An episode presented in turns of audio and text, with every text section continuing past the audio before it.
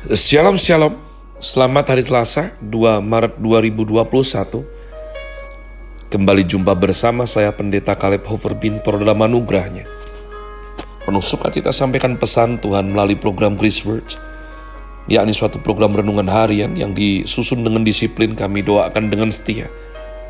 Supaya makin dalam kita beroleh pengertian mengenai iman pengharapan dan kasih yang terkandung dalam Kristus Yesus Sungguh adalah kerinduan saya bagi saudara sekalian agar supaya kasih dan kuasa firman Tuhan setiap hari tiada pernah berhenti menjamah hati, menggarap pola pikir dan paling utama adalah kehidupan kita boleh makin berubah menuju Christ likeness. Masih dalam season spring dengan tema Grow, Chris Word hari ini saya berikan judul Dilema Apologetika bagian yang kedua.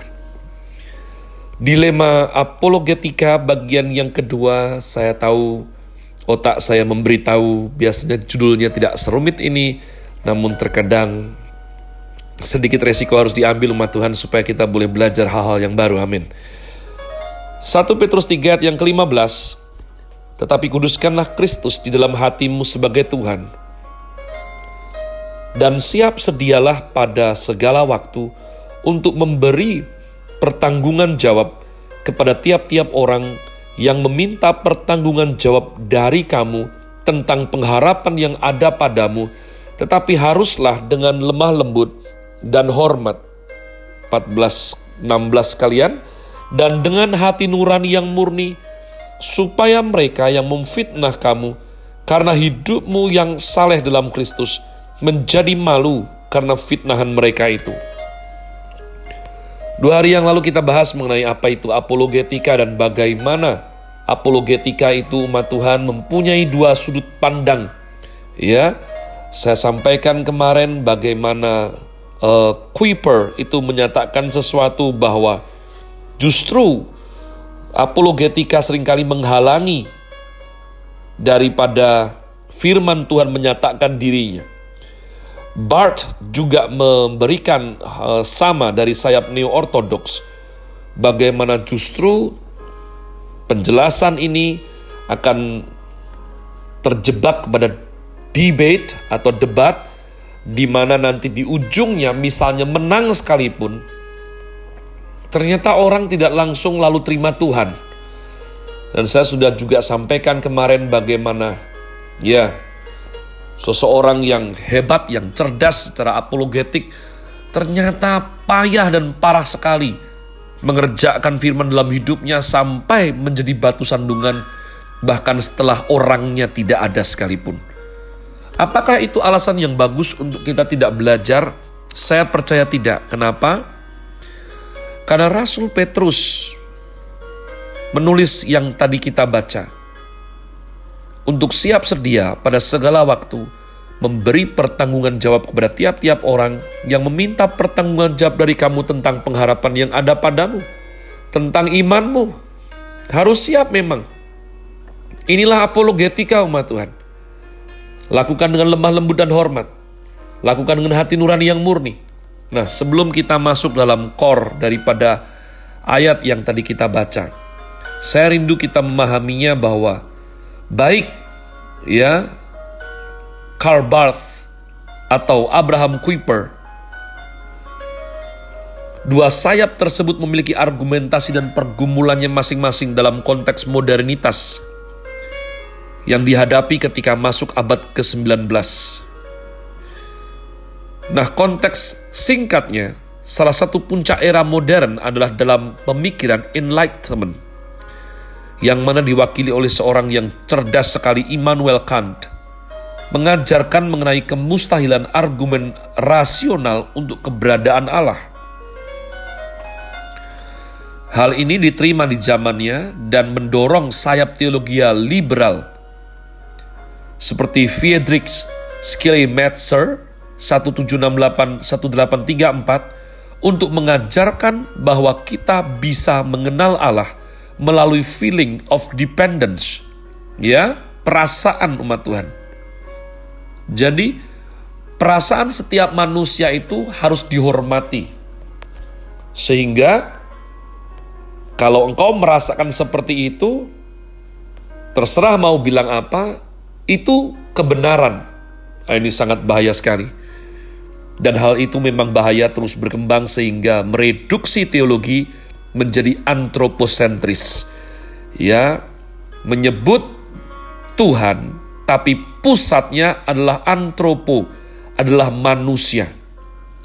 Dan akhirnya Tuhan Yesus hanya menjadi guru moral yang agung saja bukan Tuhan, apalagi juru selamat. Guru agung dalam bidang moral. Bart mencoba merespon modernitas ini dengan konsep Allah yang berdaulat mutlak yang datang kepada manusia melalui Tuhan Yesus dalam pengalaman pribadi. Ya, crisis encounter with Christ. Hal ini membawa Bart cenderung menolak apologetika yang sudah terasosiasi dengan pendekatan rasional. Di sisi lain, Kuiper bergumul dari perspektif dan konteks peperangan wawasan dunia worldview. Kuiper adalah salah satu teolog utama setelah James Orr yang mengembangkan konsep kekristenan sebagai sebuah wawasan dunia di mana konsep wawasan dunia pada awalnya diperkenalkan oleh Kant. Beliau percaya bahwa kekristenan dapat berhadapan dengan sistem dan wawasan dunia lainnya. Bahkan baginya, Calvinisme merupakan sistem kehidupan yang paling komprehensif. Hal ini akhirnya membawa Kuiper kepada garis yang sangat mengkontraskan kekristenan dan wawasan dunia lain. Kontras ini menghilangkan semua kemungkinan tentang adanya common ground antara kedua pihak tersebut. Dalam pergumulannya, Abraham Kuiper ini, ya, maka Cornelius Vantil 1895 1987 berusaha untuk melihat kembali apa yang Alkitab ajarkan mengenai relasi antara wawasan dunia orang percaya dan orang tidak percaya. Cornelius Vantil bergumul mengenai apakah Alkitab mengajarkan bahwa ada ruang bagi kedua wawasan dunia ini untuk berkomunikasi. Mampukah sang apologetik tetap berdiri di posisinya tanpa kompromi, namun sambil menyatakan kebenaran kepada lawan bicaranya yang berbeda wawasan dunia? Artikel ini menguraikan pemikiran Fantil yang percaya bahwa semua manusia sesungguhnya mempunyai pengenalan yang sejati akan Allah Tritunggal, sehingga sebenarnya orang Kristen sudah memiliki a ready-made point of contact dengan orang non-Kristen. Kesimpulan akhir yang akan Fantil utarakan adalah deep down in his mind Every man knows that he is the creator of God and responsible to God. Hal inilah yang membuat kita mampu berbicara kepada setiap orang mengenai pengetahuan yang sejati tentang Allah tanpa harus mengakui bahwa kita berdiri di atas pijakan yang netral. Ya. Untuk mentelusuri isu point of contact ini, kita belajar konsep analogical knowledge, revelation, man's created knowledge covenant, dan pada akhirnya merefleksikan Roma 1, 18 sampai dengan 21. Dalam bahasa yang lebih mudah umat Tuhan, kita belajar. Ya, saya dulu selalu ada orang yang secara teologi itu cerdas, pintar, tapi orang seperti ini menjengkelkan bagi saya. Dia membicarakan sesuatu yang otak saya belum faham. Dia suka ancam bahwa kalau tidak percaya nanti masuk neraka. Dan bagaimana hidup saya ini tampak begitu buruk dalam penilaian dia. Dan dia mengajak bahwa kamu harusnya punya hidup seperti yang saya jalani di mana di mata saya tidak keren sama sekali. Namun bagaimana dengan orang yang fasih lidah? Dengan orang yang lebih pintar mempengaruhi, lebih pintar bercerita mengenai Tuhan, namun sesungguhnya landasan teologinya sangat payah. Jadi, apakah ada orang yang sungguh-sungguh cerdas, orang yang sungguh-sungguh belajar apologetik sebagaimana Rasul Petrus katakan, ya. Tapi sekaligus dia itu mewartakan kebenaran, hidup dalam kebenaran, dan dia itu berhasil mengkomunikasikan daripada kebenaran tersebut untuk diterima secara enak bahkan oleh orang-orang yang hidupnya belum benar. Jadi saya berdoa apa pun yang kita pelajari, apa pun yang belum kita pelajari,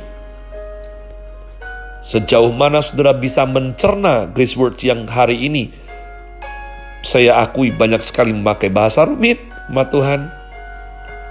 Tapi, kalau kita sayang Tuhan,